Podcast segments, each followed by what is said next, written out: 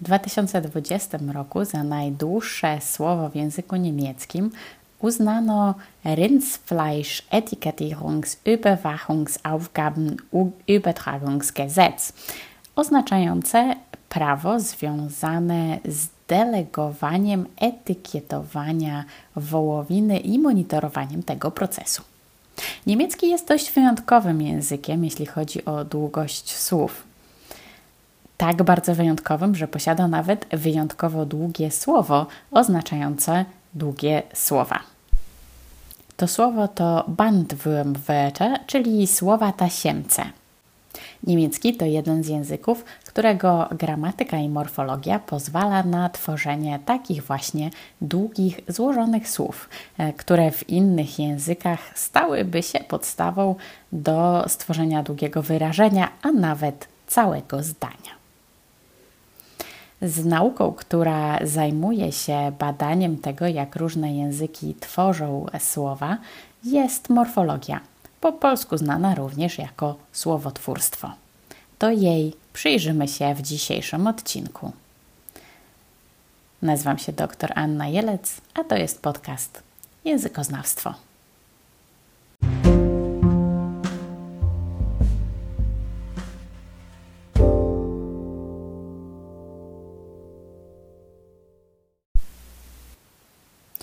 Jest słowo? Według językoznawstwa słowo to najmniejsza niezależna jednostka języka, która nie zależy od innych słów, może być oddzielona od innych słów lub jednostek języka i może zmienić pozycję w zdaniu. Słowa mają pewną strukturę wewnętrzną. Składają się z jeszcze mniejszych jednostek obdarzonych znaczeniem, nazywanych morfemami. Wyrazy, czy też słowa, możemy podzielić na wyrazy podstawowe i pochodne. Wyrazy podstawowe to takie, które składają się tylko z jednego morfemu. W angielskim taki morfem nazywa się root, czyli korzeń. Po polsku korzystamy raczej z terminu podstawa słowotwórcza. Taki właśnie korzeń czy podstawa słowotwórcza nie dzieli się na mniejsze części a raczej sam w sobie jest nośnikiem znaczenia. Jeżeli mamy do czynienia ze słowem pochodnym, czy z wyrazem pochodnym, to tych morfemów jest więcej. A więc mamy podstawę słowotwórczą i tak zwany formant, czyli potocznie rzecz ujmując, końcówkę. A co to jest ten tajemniczy morfem? Morfem jest najmniejszą jednostką języka, która jednocześnie niesie jakieś znaczenie. Może być to słowo, a może być to część słowa. Morfemy jednak są trochę jak atomy. Nie da się ich podzielić na jeszcze mniejsze jednostki, nie tracąc e, ich znaczenia bądź nie zmieniając go. Znaczenie morfemów jest również stosunkowo stabilne. Morfemy spotykamy w dwóch postaciach: wolnej bądź uwięzionej. Bardzo łatwo to rozróżnienie zilustruje nam język angielski. Morfem wolny to taki, który sam w sobie tworzy słowo, na przykład kind, czyli uprzejmy. E, taki morfem e, możemy jednak połączyć z jakimś innym. Jeżeli dodamy do niego choćby końcówkę ness, otrzymamy słowo kindness, a więc uprzejmość. Morfem ness jest morfemem uwięzionym. Sam w sobie nie może być używany oddzielnie ani niczego nie znaczy. Natomiast jeżeli dodamy go do przymiotnika, to nie tylko zmieni kategorię gramatyczną powstałego słowa na rzeczownik, ale również zmieni jego znaczenie, czyli z przymiotnika uprzejmy uzyskamy uprzejmość. Polski ma nieco inne zasady morfologiczne czy słowotwórcze, dlatego te granice w języku polskim będzie zauważyć nieco trudniej, choć nie znaczy, że nie da się tego zrobić. Dla przykładu, e, słowo przyrodnik składa się z podstawy słowotwórczej przyrod, e, pochodzącej od słowa przyroda, oraz formantu nik. Do analizy słowotwórczej wyrazów stosuje się często tak zwane drzewka morfologiczne. Rysując takie drzewko morfologiczne, jesteśmy w stanie prześledzić strukturę wyrazów od tych prostych jak przyrodnik po te skomplikowane jak anti-disestablishmentarianism czy Konstantynopolitańczykiewiczówna. Jeżeli chcecie nauczyć się rysować drzewko morfologiczne, na pewno na YouTubie znajduje się wiele tutoriali. Czym jednak różni się morfem od słowa? No cóż, aby zastanowić się nad tym pytaniem, musimy powrócić do definicji obu tych terminów. Aby słowo było słowem, musi posiadać niezależne znaczenie, musi występować samodzielnie i musi mieć możliwość zmiany pozycji w zdaniu. Weźmy dla przykładu słowo, które najprawdopodobniej wykrzykuje lub chociaż mówi po cichu każdy z nas, kiedy zobaczy przez okno samochodu stojące czy pasące się na polu konie, czyli konie, a po angielsku horses. Horses, czyli konie, to słowo. Ma swoje własne znaczenie może wystąpić w innych pozycjach w zdaniu, albo może być użyte samo w sobie pojedynczo. Jeżeli chcemy zapytać, What is the man looking at? Na co patrzy człowiek, to jesteśmy w stanie udzielić odpowiedzi horses, i to jest odpowiedź jak najbardziej gramatycznie i znaczeniowo poprawna. Możemy powiedzieć, The man looked at the horses, the horses looked at the man, the man was looked at by the horses. E, czy dowolną inną wersję zdania człowiek patrzył na konie, a konie patrzyły na człowieka. Słowo horses składa się jednak z dwóch morfemów. Z jednej strony mamy horse, czyli koń, a z drugiej mamy s, czyli morfem oznaczający liczbę mnogu. Dodając s do słowa horse, mówimy o tym, że jest tych koni więcej niż jeden. Jednak tylko jeden z tych morfemów jest jednocześnie słowem. Przyjrzyjmy się więc tej różnicy. Wracając do definicji słowa. Aby morfem można było jednocześnie uznać za słowo, musi on spełniać trzy warunki. Po pierwsze, jego wykorzystanie nie może zależeć od innych morfemów lub słów. W przypadku morfemu hus jak najbardziej jest to prawda. Możemy sobie nawet zawołać horse i będzie wiadomo, że chodzi o konie, konia w tym przypadku. W przypadku morfemu s jednak sytuacja jest inna.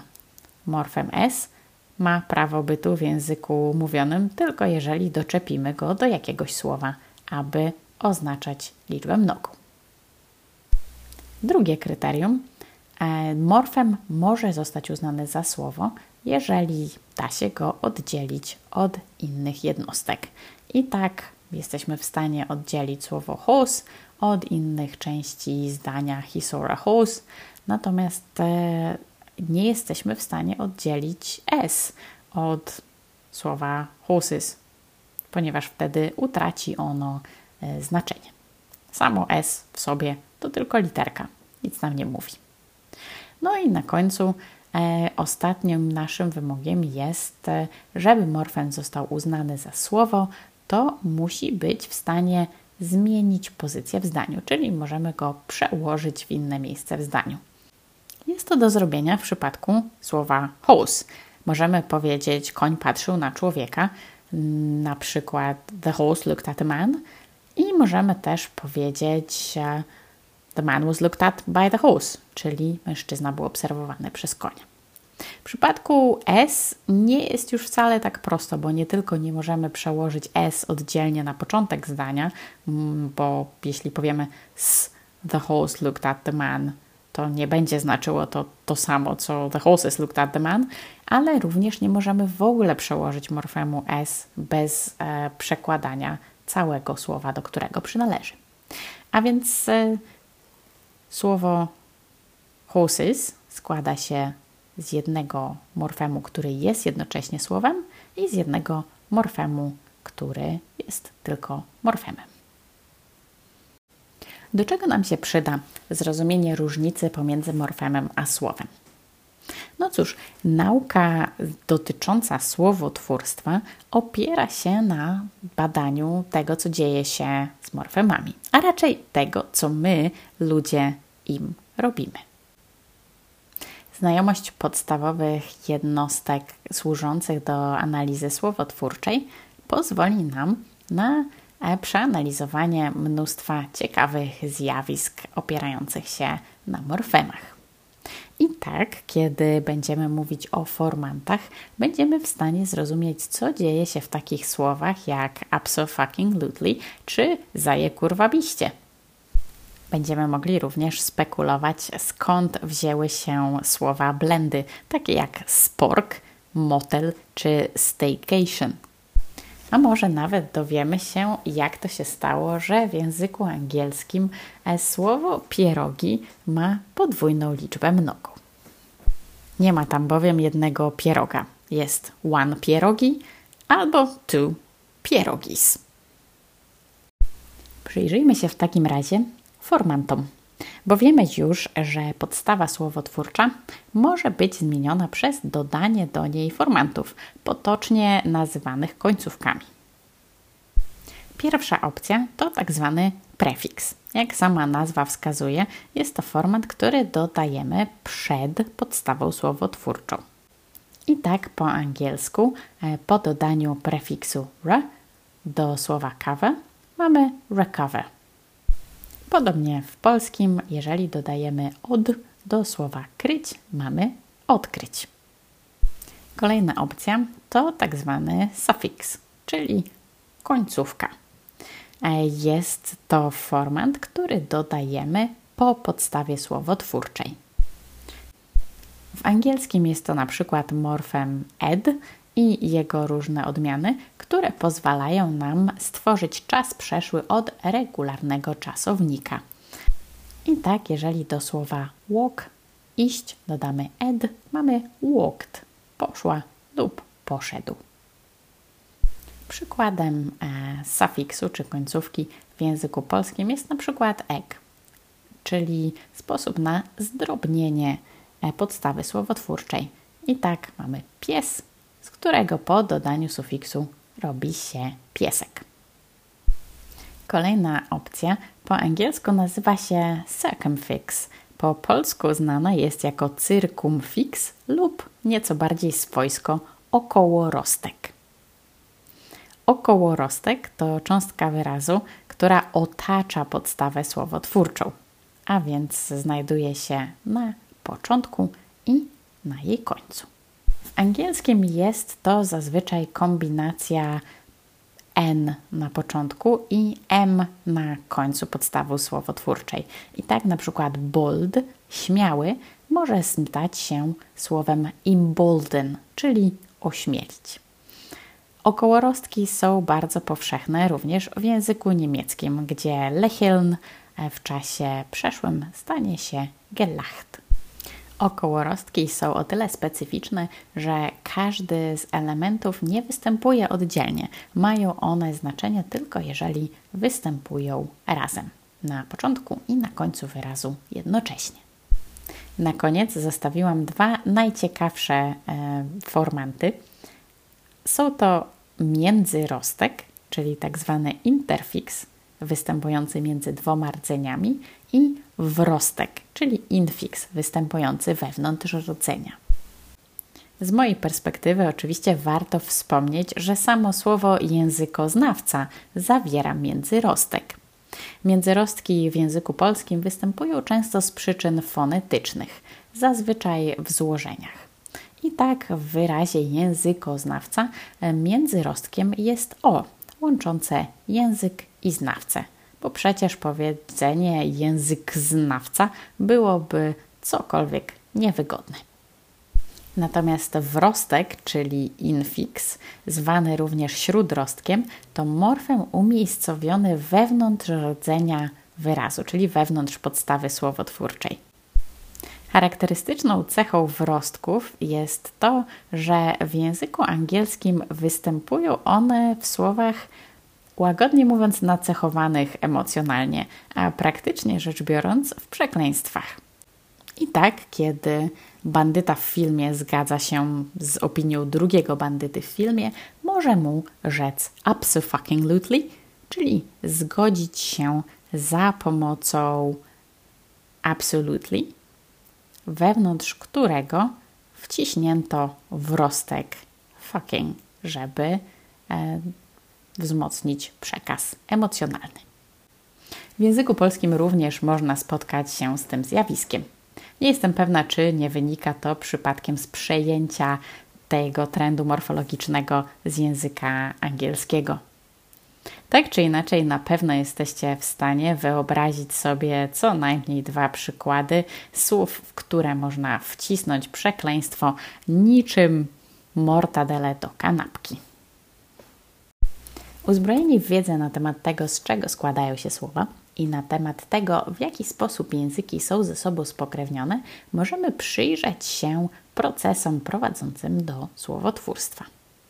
Wyobraźmy sobie więc, że jest rok 2025. Udało nam się opanować sytuację epidemiologiczną, obostrzenia zostały zniesione, więc wybieramy się na wakacje, załóżmy na południe Francji. I tam, na tym południu Francji, właśnie spacerujemy sobie po pięknych, brukowanych uliczkach, ale ponieważ nic w życiu nie jest idealne, potykamy się o romantyczny krawężnik i robimy sobie kuku w nogę. Na oko bardzo boli i wygląda na złamaną, więc zamiast panikować, rozglądamy się wokół siebie. I cóż widzimy? Widzimy godne zaufania drzwi, a nad nimi szyld. Szyld, który głosi doktor. No i naszym zadaniem będzie zdecydować, czy wejdziemy w godne zaufania drzwi, czy też nie. Większość z nas zapewne zdecydowałaby się na to, z racji tego, że słowo doktor sugeruje nam obecność doktora, czyli lekarza, a nam akurat by się taki przydał. Skąd jednak wiadomo, że francuski doktor i polski doktor to słowa o podobnym znaczeniu? No cóż, te dwa słowa to tak zwane kognaty, a inaczej po polsku wyrazy pokrewne. Termin ten odnosi się do spostrzeżenia, że języki indoeuropejskie to jedna rodzina. A więc nasze języki, francuski i polski, e, mają słowa, które są ze sobą spokrewnione. Innym przykładem e, takiego kognatu jest na przykład polskie słowo brat, które po czesku jest, brzmi bratr, angielsku brother czy po włosku fratello. Wszystkie one pochodzą od praindoeuropejskiego brater. W przypadku naszej niefortunnej francuskiej przygody e, skutecznie udało nam się posłużyć założeniem, że wyrazy, które brzmią podobnie, znaczą podobne rzeczy. Jednak to nie zawsze działa. Istnieje bowiem zjawisko zwane false friends, a po polsku fałszywi przyjaciele. Dotyczy ono sytuacji, w której mamy w dwóch językach bardzo podobne, a nawet identyczne słowa, ale ich znaczenie różni się, czasami dość dramatycznie. Takie słowa jak eventually, pasta, pupa, receipt czy actually mają po polsku bardzo podobne odpowiedniki, które jednocześnie są zdradliwe, bowiem eventually to nie ewentualnie, a pasta to nie pasta. Moje ulubione przykłady fałszywych przyjaciół pochodzą jednak z języka czeskiego, z języka naszych sąsiadów, bo wyobraźmy sobie, że idziemy sobie do sklepu i dokonujemy jakiegoś atrakcyjnego zakupu, na przykład e, ceramicznego kubeczka. Kubek to po czesku chrnek, nawiasem mówiąc. E, I sprzedawczyni pyta nas e, o coś, a my e, reagujemy na to mało inteligentnym wyrazem twarzy. Sprzedawczyni powtarza, mówiąc głośno opakować, a my, myśląc, że chodzi o zapakowanie kubeczka, mówimy tak, tak, ano. Na co sprzedawczyni powtarza to, co powiedziała niezrozumiałego i znów pyta opakować, na co my znowuż reagujemy ano, aczkolwiek z nieco większą konsternacją. Z czego wynika nieporozumienie? Właśnie z faktu, że pakować po polsku i opakować po czesku to fałszywi przyjaciele.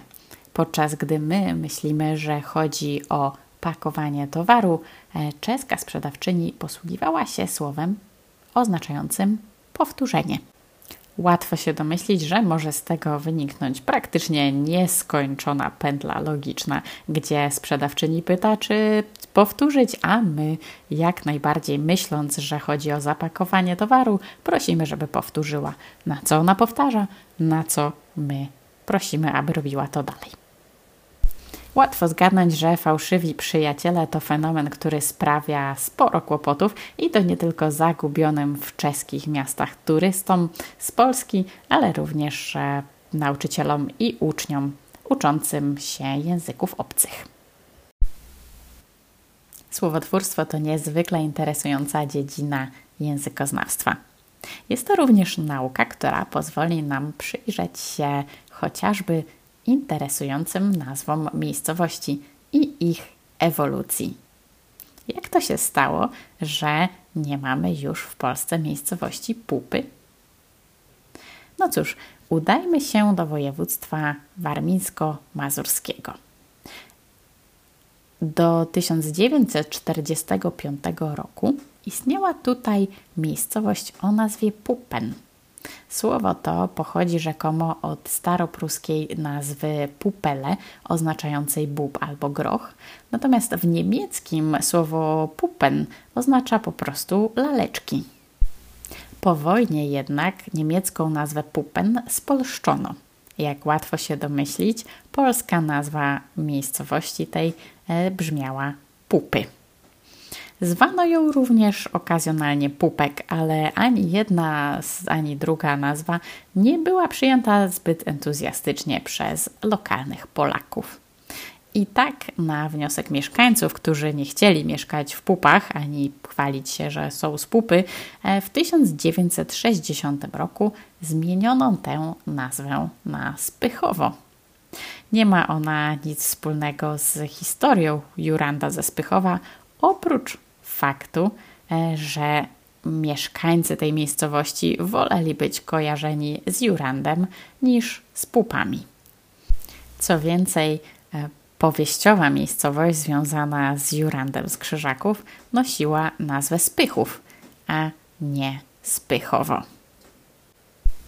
Nazwa tej wsi przeszła więc szalenie ciekawą ewolucję od grochu poprzez lalki po część ludzkiej anatomii, aby w końcu stać się synonimem mężczyzny skrzywdzonego przez krzyżaków.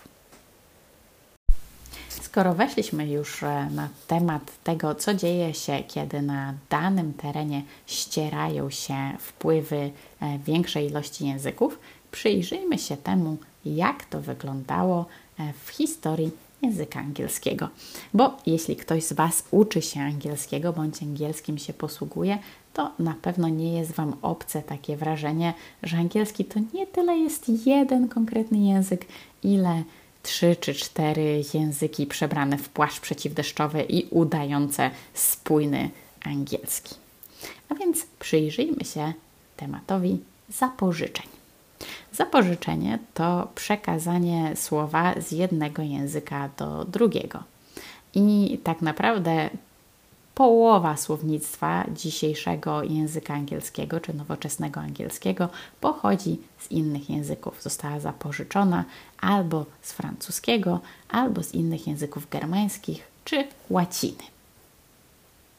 Odpowiedzialnością za ten stan rzeczy często obarcza się e, Wilhelma, duka Normandii. W 1066 roku wojska Wilhelma odniosły zwycięstwa w bitwie pod Hastings. Umożliwiło to Wilhelmowi praktycznie podbój całego państwa. W rezultacie przez kanał La Manche z Francji do Wielkiej Brytanii przepłynęły setki e, szlachciców francuskich. I w zasadzie nie tylko szlachciców, ale tak naprawdę najróżniejszych klas społecznych, ale w szczególności tych, którzy albo szczycili się bogactwem, albo wpływami, albo jednym i drugim. Co więcej, e, Wilhelm postanowił zastąpić dużą liczbę elit intelektualnych mówiących językiem angielskim własnymi elitami, które posługiwały się francuskim. Oznaczało to, że język francuski gwałtownie zyskał na prestiżu e, wśród elit brytyjskich. Miało to bardzo szeroki wpływ e, na słownictwo współczesnego angielskiego, nad którym nie będę się jakoś mocno dzisiaj rozwodzić. Ale przedstawię kilka przykładów. Być może znany Wam jest fakt, że angielski często posiada podwójne słowa, czyli dwa słowa oznaczające praktycznie to samo, przy czym jedno będzie nieco mniej, a drugie nieco bardziej formalne. I tak na przykład e, zapytać możemy powiedzieć ask, question albo interrogate. Jeżeli coś jest święte, to może to być holy, może to być sacred, a może być consecrated. Jeżeli coś jest królewskie, to możemy powiedzieć kingly, ale również royal czy regal. Co tu się dzieje? Ano dzieje się to, że mamy do czynienia z tak zwanym rodzeństwem leksykalnym różnymi słowami, które oznaczają to samo, bowiem zostały zapożyczone z różnych języków, podczas gdy na angielski dana kultura wywierała wpływ. I tak kingly pochodzi z staroangielskiego, royal pochodzi z francuskiego, natomiast regal został zapożyczony z łaciny. I w ten sposób angielski często posiada bardzo dużo e, słów znaczących to samo, a różniących się praktycznie tylko tym, czy uznawane są one za prestiżowe, czy za nieco mniej formalne. Z reguły jest tak, że słowa wywodzące się ze staroangielskiego to te najmniej formalne, natomiast e, słowa wywodzące się z łaciny i francuskiego uznawane są za bardziej formalne i mają też więcej sylab. Ale dlaczego właściwie w danym języku pojawiają się zapożyczenia? No cóż, jeżeli jesteśmy narodem brytyjskim, który z nienacka znalazł się pod butem e, Wilhelma z Normandii, no to oczywiście będziemy się starali mu przypodobać, używając słów, które są mu znane. Ale podobnie w bardziej współczesnych czasach, kiedy w danym kraju jakiś inny język zaczyna wywierać istotny wpływ, to będzie on y, pojawiał się również w słownictwie.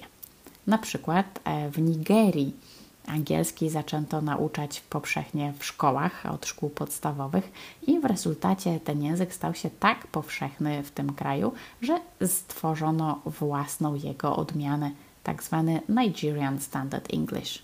Obecnie uznawany jest on za pełnoprawną odmianę angielskiego. Zapożyczenia pojawiają się również, kiedy mamy do czynienia z dwoma kulturami i językami współistniejącymi ze sobą w danym miejscu. Być może nie wiedzieliście, ale angielskie słowo penguin pochodzi z języka walijskiego, gdzie pen oznacza głowę, a gwyn oznacza biały. Później e, oczywiście Wielka Brytania wyeksportowała to słowo na cały świat i tak wszyscy teraz praktycznie używamy walijskiego słowa na określenie tego pięknego ptaka. W Poznaniu widać bardzo wyraźnie przykłady zapożyczeń z niemieckiego. Mamy tu chociażby takie słowa jak tytka od niemieckiego Tüte, torebka, czy bana e, na tramwaj od niemieckiego ban.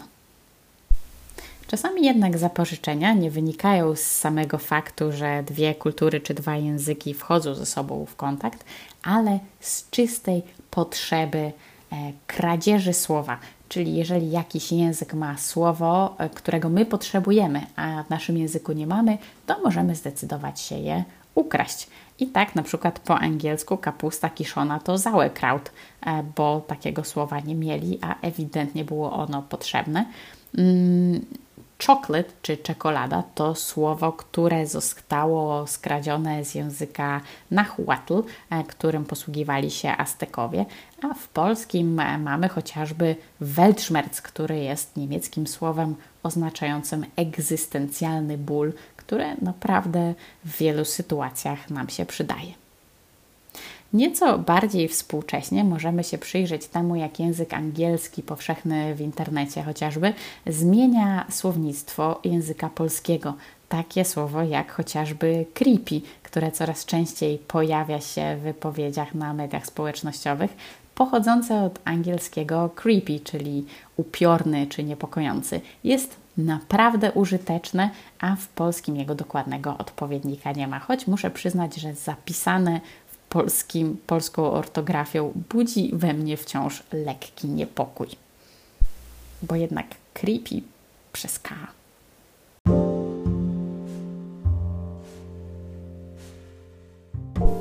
O procesach słowotwórczych można rozmawiać bardzo dużo. Zresztą będziemy o nich jeszcze mówić w kolejnym odcinku. Często nowe wynalazki językowe spotykają się z ostracyzmem, szczególnie jeżeli wprowadzane są do użycia przez ludzi młodych.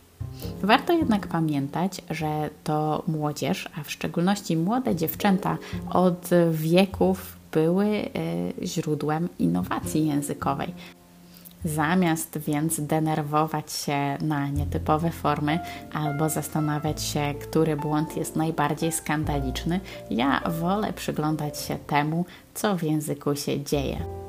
Bo moim zdaniem, jeżeli nawet e, język polski nie przewiduje jeszcze takich słów jak creepy przez k i technicznie rzecz biorąc, jeżeli powiemy co rano robię łóżko, to powinniśmy przyznawać się raczej do tego, że jesteśmy stolarzami, niż do tego, że staramy się łóżko ścielić, to tak naprawdę te wszystkie procesy mówią nam o tym, że natura ludzka jest taka, że jeśli czegoś nie mamy, to spróbujemy to wymyślić lub pożyczyć.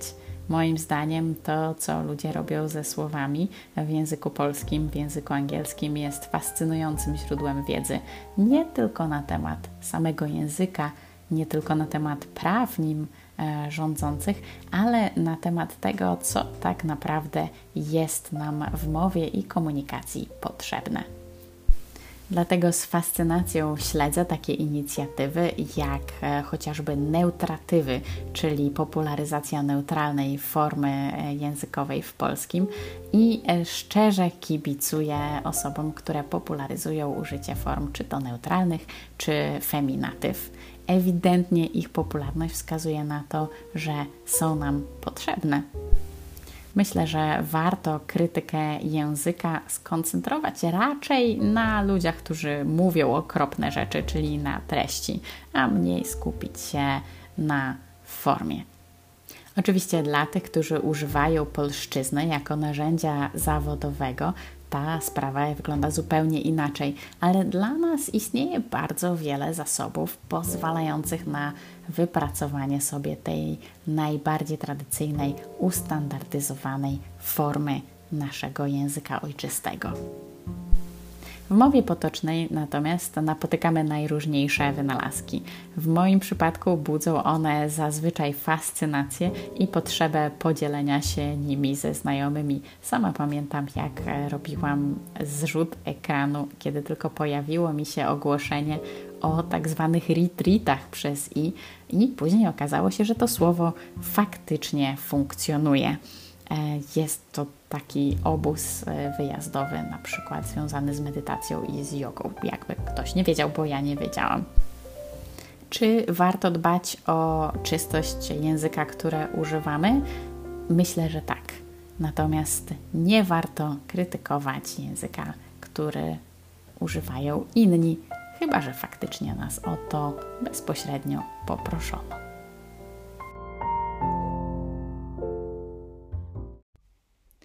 Podcast Językoznawstwo wspierany jest przez projekt Kolaboratorium UAM, program szkoleniowy dla mieszkańców regionu.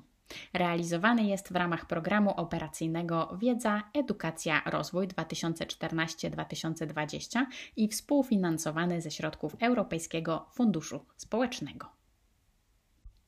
Program Kolaboratorium oferuje wiele fascynujących kursów prowadzonych przez pracowników UAM, które serdecznie polecam. Zajrzyjcie na stronę kolaboratorium.amu.edu.pl.